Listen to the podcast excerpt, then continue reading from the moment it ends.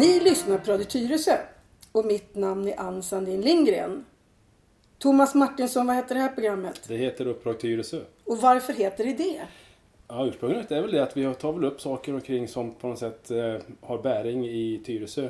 Eh, från, från början så att säga. Polisen är i Tyresö, hur det var och sen så andra saker som är Tyresöanknutet. Sen har det vidgats lite men det ska Ja. ändå ha knytning till Tyresö. Och du är polis. Jag är polis. Mm, det är inte jag, så jag, det är jag som ställer alla dumma frågor och du som svarar för det mesta. Men nu har vi med oss våran kompis Lasse. Vem är Lars Alvarsjö?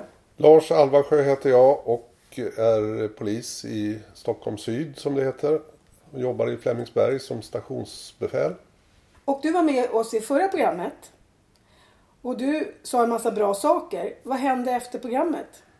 Jag fick eh, inspiration att skriva en eh, debattartikel som publiceras i Svenska Dagbladet faktiskt. Ja, fantastiskt. Och det blev ju väldigt mycket reaktioner på den.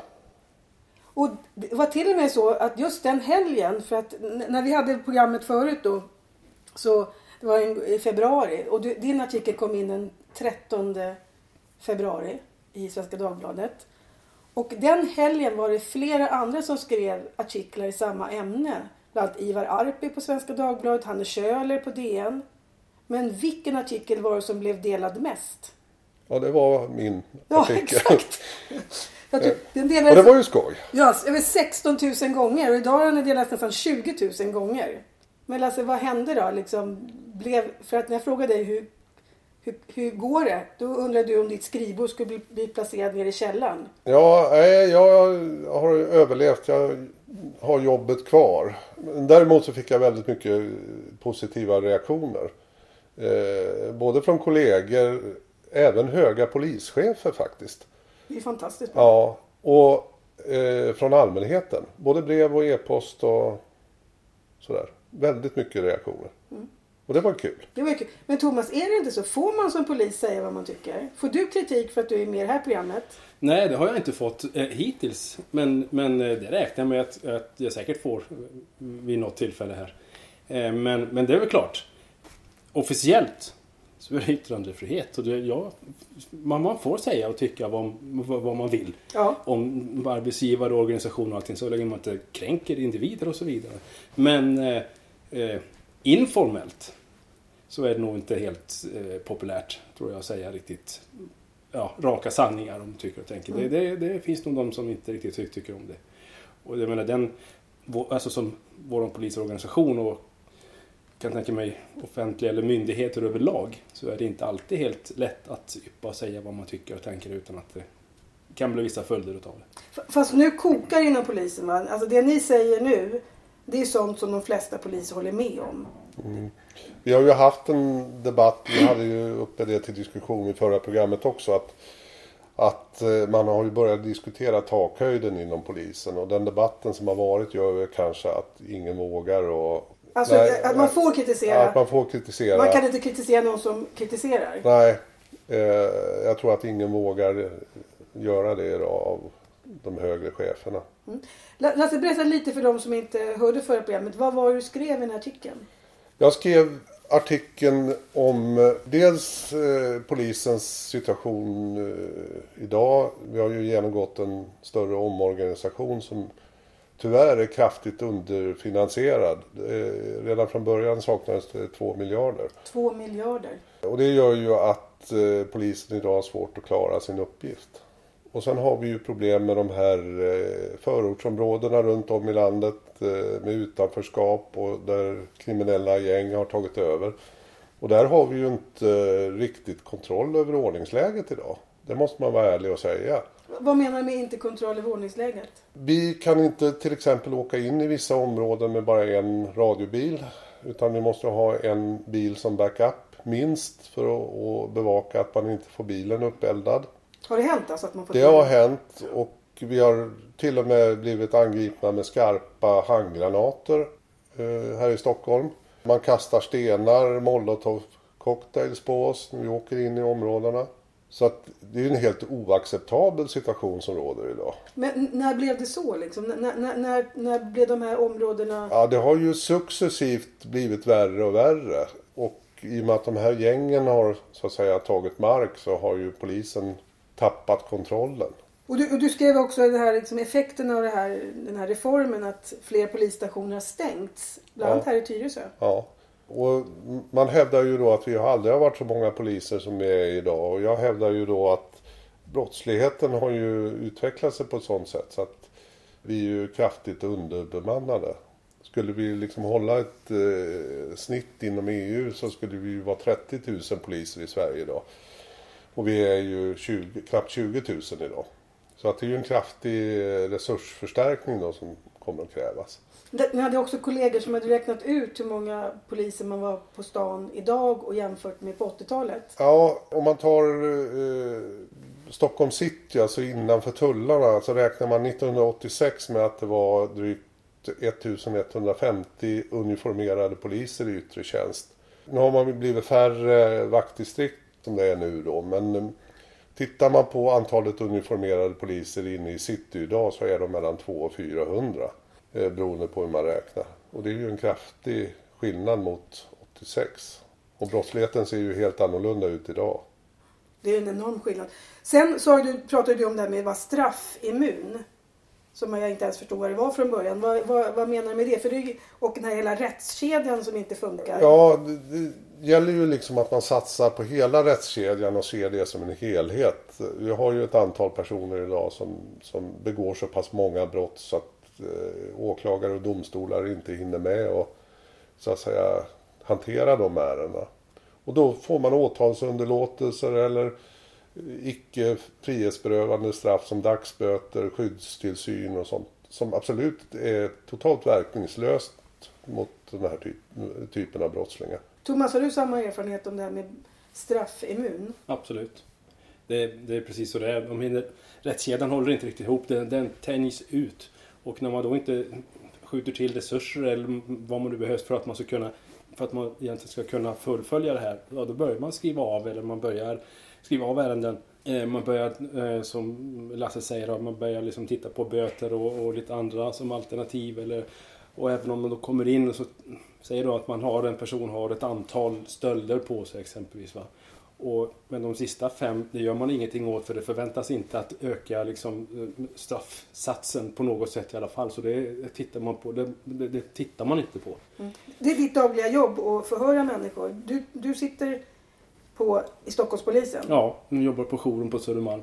Förutom det Lasse sa här då med hur det ser ut i, så har vi ju även den här, den här flyktingströmmen och flyktingkrisen som, som, som tarvar en hel del resurser ytterligare. Eh, ut, alltså ifrån gränsbevakningar och så vidare. Och det, det är en enorm... eh, Det, det tar enormt mycket resurser i anspråk. På vilket sätt då? Eh, ja, Kon- säg konkret. Konkret så måste man ju egentligen ha folk. Vi, har, vi säger att det finns ett, som man då kallar för ett transportöransvar. Alltså de som transporterar då eh, eh, folk ut, utom Sverige in till Sverige då. Eh, Så stoppar man ett tåg eller bussar och så tittar där så ska, har ju då transportören eller åkeriet eller någonting eller om det är SJ ett ansvar för att gå i god för de som är med så att de har fått identitetshandlingar och allting sånt där. Och har man inte det till början då så då faller ansvaret på dem. Men det måste ju vara, det måste ju vara ett antal huvuden som är där. Och Det är, poli- det är bara polisen det är som poliser kan som tittar jobbet. och, och ska, ska, göra, ska göra den bedömningen på plats. För det pratar man ju mycket om det här med människor som inte får okej på sina asylansökningar och som ska utvisas. Att det här funkar ju inte heller idag. De som ska... Ja, tyvärr är det ju så att det finns inga platser för dem som, som eh, står som är aktuella för verkställighet. Eh, Migrationsverket har ju fullt på sina förvar oftast. Så att, eh, träffar man på en utlänning där det finns ett utvisningsbeslut så är det inte alltid att vi har eh, förvaringsplatser åt Vad dem. vad gör man då? Ja, då får man släppa ut dem. Då får man släppa ut dem. Vind för våg om man skulle uttrycka det så. Lite eh, slarvigt kanske men man, man bara släpper dem. liksom. Man bara släpper dem. Mm. Därför finns inga Ingen kontroll, ingen alls. Ja. Släpp, bara släpper dem.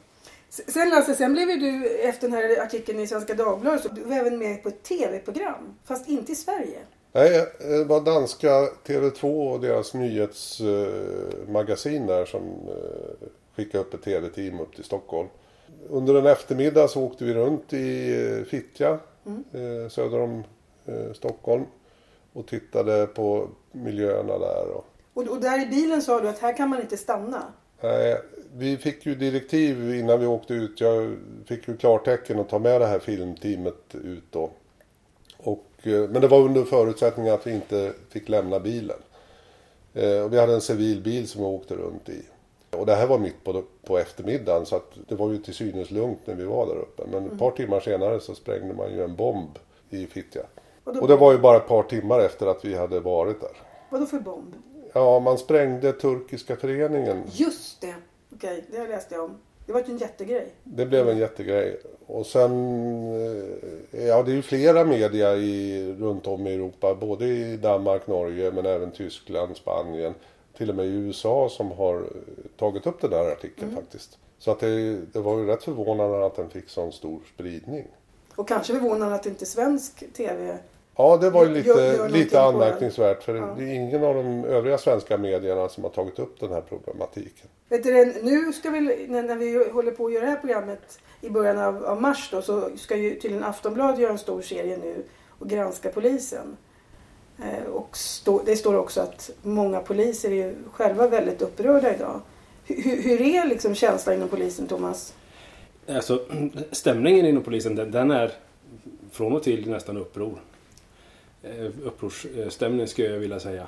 Och, och är det inte det så är det en apati. Och eh, så att man liksom på något sätt man går till jobbet för att göra för, för att du har ett jobb. Men du, du, du har blivit liksom bestulen på engagemang och, och på, på driv utav allt. Liksom på, där man då, liksom, måste man då upplever att man stångar huvudet blodigt. Ingen lyssnar, ingen tar till. Liksom. Och här, här verkligen här verkligen kämpar folk. Det man kämpar med det ekonomiska för att lönen är väldigt låg. Man kämpar med de risker och de hot och de som man utsätter sig för. Inte bara som individ utan som, som familjen i sin helhet får ta, blir involverad i. Man kämpar och sliter för att få liksom lite gehör för att kunna få förbättrade arbets, eh, arbetstidsförhållanden eh, och sådär. Men det är, det är liksom det är noll och intet upplevs det som. Det blir inte som att man får, man, det, det sägs ja, ja, vi håller med, vi tycker si så här och sen så när, när lamporna är släckta så är det liksom Men, men Är är, det är, ingenting? det här liksom... För du har varit polis över 20 år, Thomas. Ja, det är snart 25. 25. Mm, 24 tror jag. Och det här läget som är nu, har, har, har, har, ni, har du upplevt det förut? Så som det är idag? Vi har haft eh, eh, genom åren har det varit olika krissituationer men jag upplever inte, vi, i alla fall inte som jag upplever att vi har haft en, en sån här krissituation. Vi ska, vi ska liksom komma ihåg det som Lasse sa här också att vi har, en, vi har krissituationer i många, må, många delar utav i, i landet, alltså stadsdelar och, och orter som vi inte har någon kontroll av. Och det upplevde jag inte, alltså, alltså att det inte var liksom kanske 80-talet när vi pratade om fanns en kampanj 15 000 nu och så vidare. Då, då var det ju mer att man riktade den mer emot, alltså det var internt inom polisen om man ville ha mer då. Men nu är, är det en hotbild och en samhällsutveckling som inte är i närheten av hur det var förr. Det är min uppfattning, vilket då gör och i, mitt i allt det här så ska då polisen till att göra en omorganisation som är bland det största som finns och vilket då distanserar sig ytterligare ifrån, ifrån utvecklingen i samhället. Eh, som, som gör att jag, det här är för mig nog jag har sagt det förut och jag säger det igen. Jag har första, det är första gången som jag är riktigt orolig för var Polismyndigheten är på väg kontra till vårt uppdrag gentemot medborgarna. Och det verkar som Det att inte- många av era kollegor tycker likadant. Jag läste en enkät där som tidningen ETC hade publicerat. Och tidningen ETC är en vänstertidning som brukar vara ganska negativ till polisen. Och där skrev, det var en artikel här i, i februari där det stod att minimal risk att gripa som handlar om att om man inte körde för fort, alltså mot, när det finns fartkameror och inte hade narkotika på sig så fanns det noll risk egentligen att gripas idag för att så lite poliser är ute. Och så har man gjort en enkät bland era medlemmar att 0 procent, alltså 0 procent av medlemmarna svarade att polisen har blivit effektivare sedan ett år tillbaka. Det är ju en ganska anmärkningsvärd siffra. Ja, Och det, det säger ju lite grann om, om eh, hur situationen är inom svensk polis idag. hur, hur länge har du jobbat Lasse? Ja, jag har jobbat i det, som polis i 30 år. 30 år, ja. Hur, hur- hur ser du på läget idag om du jämför bakåt? Jag tror aldrig att jag har upplevt eh, den här, eh, den här situationen som vi har idag. man har ju en känsla av att man inte har någon som helst möjlighet att påverka. Alltså du menar även internt inom polisen? Har man ingen- Internt eh, inom polisen. Och vad det gäller arbetsmiljön så är ju den fruktansvärt dålig. Alltså klimatet ute har ju hårdnat eh, betydligt de sista ja, 15-20 åren. Vad beror det på? Det är väl samhällsutvecklingen överlag som har, som har eh, drivits i den riktningen. Alltså det är tuffare klimat och mer våld, mer vapen. Och nu är det ju helt eh, okej att ge sig på poliser ute.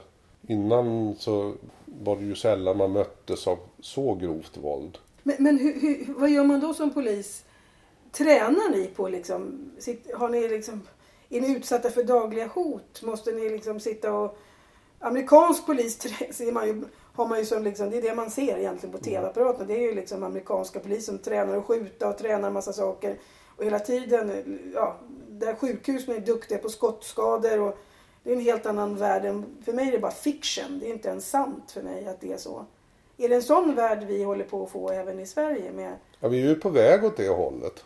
Medan många amerikanska städer är ju på väg åt motsatt håll. Som tar vi New York till exempel så är väl den en av världens säkraste huvudstäder idag. Jämfört mot eh, hur det var på 70-talet. man har flyttat, men, men där har buset flyttat längre och längre ut. Mm. Va? Så själva Manhattan är väl bra i och för sig. Där har man ju utökat polisstyrkan ganska drastiskt. Och där är ju polischeferna personligt ansvariga för att, eh, att man klarar av ordning och säkerhet. V- vad är det som skulle behövas då? Alltså, om vi nu får någon att lyssna på våra program här och någon som läser dina artiklar. Vad skulle man vilja att, att man gör från statsmakten som nu styr över den stora myndigheten som heter Polismyndigheten? Jag skulle vilja flika in det du pratade om, det du frågade alldeles nyss. Vad, vad, vad, vad kan man göra åt? Eller vad, vad beror det här på? Det här måste ses i ett mycket större, i en mycket större kon- kontext. Polisen är en del av samhället. Eh, vi har skola, vi har socialtjänst och vi har flera andra myndigheter som alla är involverade i på något sätt i att faktiskt ta ett ansvar för att vi alla ska få ett bättre och säkrare samhälle. Och det är en, det är en ren neddemontering sen, sen årtionden tillbaka i form av givande av resurser till, till eh, eh, skola, förskola, skola, socialtjänst och allting. Fritidsledare. Fritidsledare, de här som finns ute. Alltså det, det, det är ett ansvar. Det kan inte bara bäras av polisen som man tittar på att nu är det så här, vad gör ni? Utan det är faktiskt, vad gör vi i, ett större, i en större kontext som, som, det, som problemet finns. Och för att, för att man på något sätt ska kunna komma åt en del av problemet så måste man också, samhället också ge i andra änden. Alltså du måste satsa på lärare, fler lärare och de ska få, få vara lärare. De, de, det ska inte Skapa sysslas med relationer i, i klassrummet. Exakt, de ska inte syssla med massa statistik och annat för att rapportera in. Socialtjänsten likadant där. De måste få utrymme för att göra, alltså utföra sitt jobb. Och i förlängningen så kommer det också gynna samhället och också gynna även polisen. Och polisen ska ju också ha resurser naturligtvis för att kunna göra sitt. Så det är liksom en, en riktad insats som hela samhället måste göra. Alltså det, det är flera delar i den här. Så att ibland blir, kan frågan bli lite väl enkelriktad. Och när man lutar sig mot polis och åklagare. Det behövs inte bara mer poliser. Det behövs, du skrev det i din artikel, hela rättskedjan behöver fungera. Ja, och vi måste ju ha en rättstillämpning som, som eh, gör att folk har förtroende för rättsväsendet. När man ser idag att man inte riskerar att få några straff som, som är något att tala om, då, då tappar ju folk förtroendet. Och då får vi de här eh, medborgargarderna och, och folk tar lagen i egna händer istället. Exakt. Om vi ska bara blicka lite grann till Tyresö då. Eh, för vi har ju ingen polisstation här längre. Utan det är egentligen ditt ställe som nu... Ja, det är ju eh, polishuset i Flemingsberg som är huvudstation i Stockholm syd idag. Så händer det någonting i Tyresö så är det ni som rycker ut. Ja, alltså ordningspoliserna utgår ju från Nacka strand fortfarande. Eh, Säg vad en ordningspolis... Vad är det? Ja, det är de som åker på, på larm på 112 jobb. En utryckningspolis helt enkelt. Och Vad det är gör- i stort sett den, den resursen vi har idag. vad, vad gör ni i Flemingsberg jämfört med Nacka då? Eh, I Flemingsberg har vi arrest, vi har kriminaljour, eh, vi har en hel del utredare som inte finns i Nacka idag. Där utreder man ju bara mängdbrott och ungdomsbrott Varför, egentligen. kan- var, varför heter det mängdbrott? Eh, ja, det har, kommer sig väl... Det, man kallar det för mängdbrott eller vardagsbrott. Det är ju typ eh, inbrott i bil, bilstölder, inbrott i bostäder och den här typen som, som man ser dagligen. Det är det som kallas för mängdbrott. Det låter väldigt cyniskt med mängdbrott. Ja. Ja. Men det är just det att det är, det är en så stor mängd av, Okej. av den där typen av brottslighet. Men, men har ni mer resurser där du finns i Flemingsberg än i Nacka? Alltså, ni ni är mycket fler där. Nej, egentligen inte. För där i Flemingsberg här utreder man ju alla grova brott. Alltså det är mord, eh, rån, eh, Aha. våldtäkter och sånt. Ja. Och eh, den grova våldsgruppen den, är ju, den dignar ju av, av ärenden så att de hinner ju inte heller med. Men, men är det många mord i Stockholms södra delar då? Jag kan inte säga antalet för det har jag inte koll på. Men, men eh, det förekommer ju åtminstone var och varannan vecka någon, något eh, som är rubricerat som mord. Men hur går det till? För att min bild av, av liksom, polisen är ju mest amerikanska serier eller såna här Beck-serier eller såna här, där det sitter tio man och grubblar på ett mord i flera månader. Går det till på det viset? Nej, man har väl kanske inte den tiden på alla, eh, alla mordärenden idag. Många är ju, är ju sådana här gänguppgörelser eh, där det är svårt att få vittnen att ställa upp och, och folk eh, vill inte berätta vad de vet. Men inte filmas inte mycket? Liksom? Det finns inte en massa kameror överallt nu? Att man får folk... Alltså, Ja, vi använder ju oss av övervakningskameror där det finns men på, det, det finns ju långt ifrån på alla Nej. ställen. Och det, är ju, det räcker ju inte bara med det utan Nej. vi måste ju ha övrig bevisning också. vad är det för gäng? Det är olika kriminella grupper. Det kan vara MC-relaterad brottslighet. Och, Har vi det i Stockholms södra ja, delar? Ja. Vi har både Hells Angels och Black Cobra och allt vad de heter. Bandidos. Bandidos. Sen har vi ju olika familjekonstellationer eh, som räknas som yrkeskriminella som lever på att begå brott. Känn, alltså som polis, känner man det här gänget liksom? I, om man då rör sig över hela södra Stockholm, har man... Alltså det är en sak om man är liksom kommunpolis eller alltså närpolis i Tyresö. Då lär man väl känna det bus som vi har här. Men kan ni liksom ha koll på hela södra Stockholm? Det är ett gigantiskt stort område. Eh, Man har väl rätt bra koll på vilka det är som är med i, i de här nätverken. Det har man väl. Men eh, det är en annan sak att bevisa vilka som är gärningsmän i de olika ärendena sen. Om vi nu ska gå till, till Tyresö lite. Eh, så när vi sitter här i, i början av mars så har det precis kommit ut en Mitt i Tyresö. Där det står att polisen ska ta fram tre löften. Och då handlar det eh, om våran kommunpolis som heter Kenny Bungs. Och sen har vi dessutom en BRÅ-samordnare som heter Malin Jonsson här. Och tydligen ska man i Tyresö skicka ut enkäter till 2000 personer som innan den 31 mars ska bestämma sig för vilka tre frågor man tycker är viktigast i Tyresö. Hur reagerar ni när ni läser den här artikeln? Spontant så... så alltså jag, jag får inte riktigt ihop det här hur fan det här ska funka. Man ska skicka ut... Vi har, vi har egna underrättelsebitar som vi lutar oss på som vi då bygger liksom, som vi tittar på för att vi ska organisera oss och jobba gentemot utifrån det man får in och man har enheter som, speciella enheter som finns men man ska bygga upp det. Samtidigt ska man då gå ut till till det offentliga och, och, och, och fråga vad man då tycker och tänker. Men var någonstans ska då resurserna räcka till för, för vad vi ska göra? Idag så, kan, idag så får vi prioritera bort prio 1-jobb som det brukar heta. Alltså prio 1 är sånt som vi måste åka på på en gång. Pågående misshandel, eh, ha något annat, eller ha något sånt där som är pågående. Eh, folk utsätts för, för fara.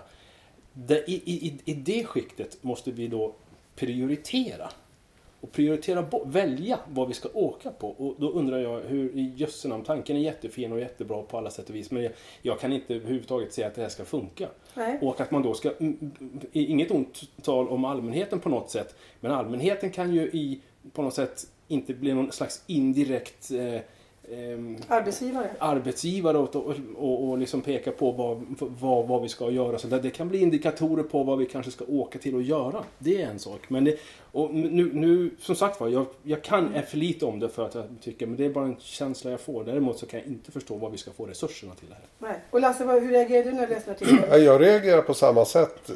Jag får ju i min tjänst eh, samtal från upprörda medborgare Och vad det gäller Tyresö så är det ju många som är upprörda över den här buskörningen runt Trollbäcken alléplan.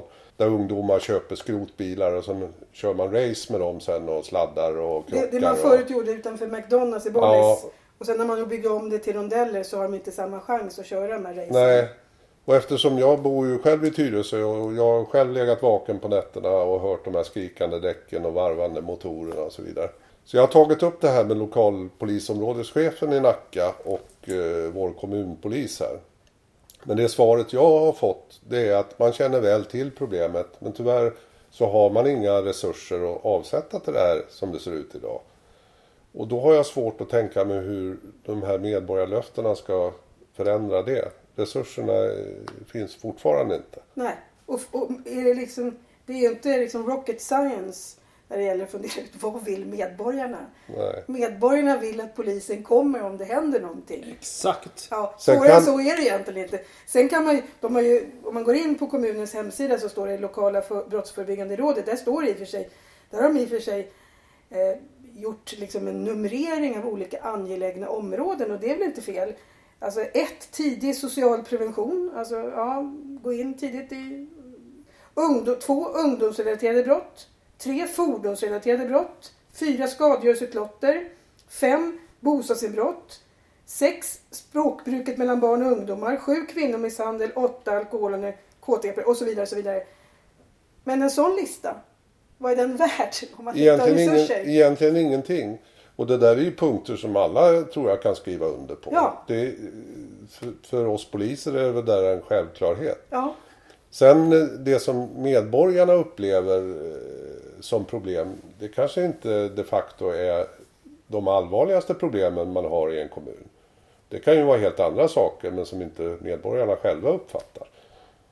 För om man frågar 2000 personer så beror det väl lite grann på vad man är utsatt för och vilket område man bor i. Om man bor i ett område där det händer massa saker eller om man bor så här som jag, eller som vi bor lite trivsamt litet radhusområde. Vad ska jag säga att polisen ska göra? Ja, kanske då om det låter på nätterna men det måste bli väldigt konstigt. Vi är inga experter på vad polisen ska göra om man får en enkät. Nej. Ska man se det ur ett Tyresö-perspektiv så skulle jag säga då eh, är det ju tre, eh, tre typer som, av ärenden som man skulle behöva prioritera. Och det är ju, dels är det ju narkotikabruket bland ungdomarna. För det är väldigt högt i Tyresö jämfört med andra Ja, kommuner. ja, problemen ser ju, är ju varit. likartade i, i nästan alla kommuner. Men just det här att unga eh, tidigt börjar bruka narkotika. Det är ju någonting som man måste arbeta mot. Sen har vi ju problemen med inbrott i bostäder. Som gör att folk känner sig väldigt otrygga. Det, det, det, har vi dra- alltså det, det, det kan man ju läsa. Det brukar finnas statistik på, på, på hemsidan var någonstans man gör inbrott. Och, och idag arbetas det ju inte aktivt med, med den typen av brott. Förut hade man ju inbrottskommissioner och sånt som spanade och, och utredde den här typen av brott. Och veterinärpoliser som visste vilka områden där, där Ja. ligor höll på. Idag ligger ju ansvaret hos utryckningspoliserna, de som åker på, på, på larmen. Och de har ju inte en sportsmössa att hinna med och liksom beivra eh, bostadsinbrott. För de har ju nästan ingen ledig tid mellan uppdragen. Vad gör de? De åker dit, registrerar det och, och, och knackar in det och så åker de på nästa. Eller vad gör Ja, I stort sett. ja. Och, de? det, Man, man följer egentligen bara statistik. och den, enda, den enda uppföljningen som görs är att man skickar dit en lokal brottsplatstekniker om det är inbrott i, i liksom bostad. Som kommer och penslar lite fingeravtryck och tar lite spår, sköter lite spårsäkring och så. Men något mer görs ju inte sen. Sen, sen är det viktigt, i, redan idag så har kollegor som kör, alltså ordningspoliser, de som kör utryckningspoliser.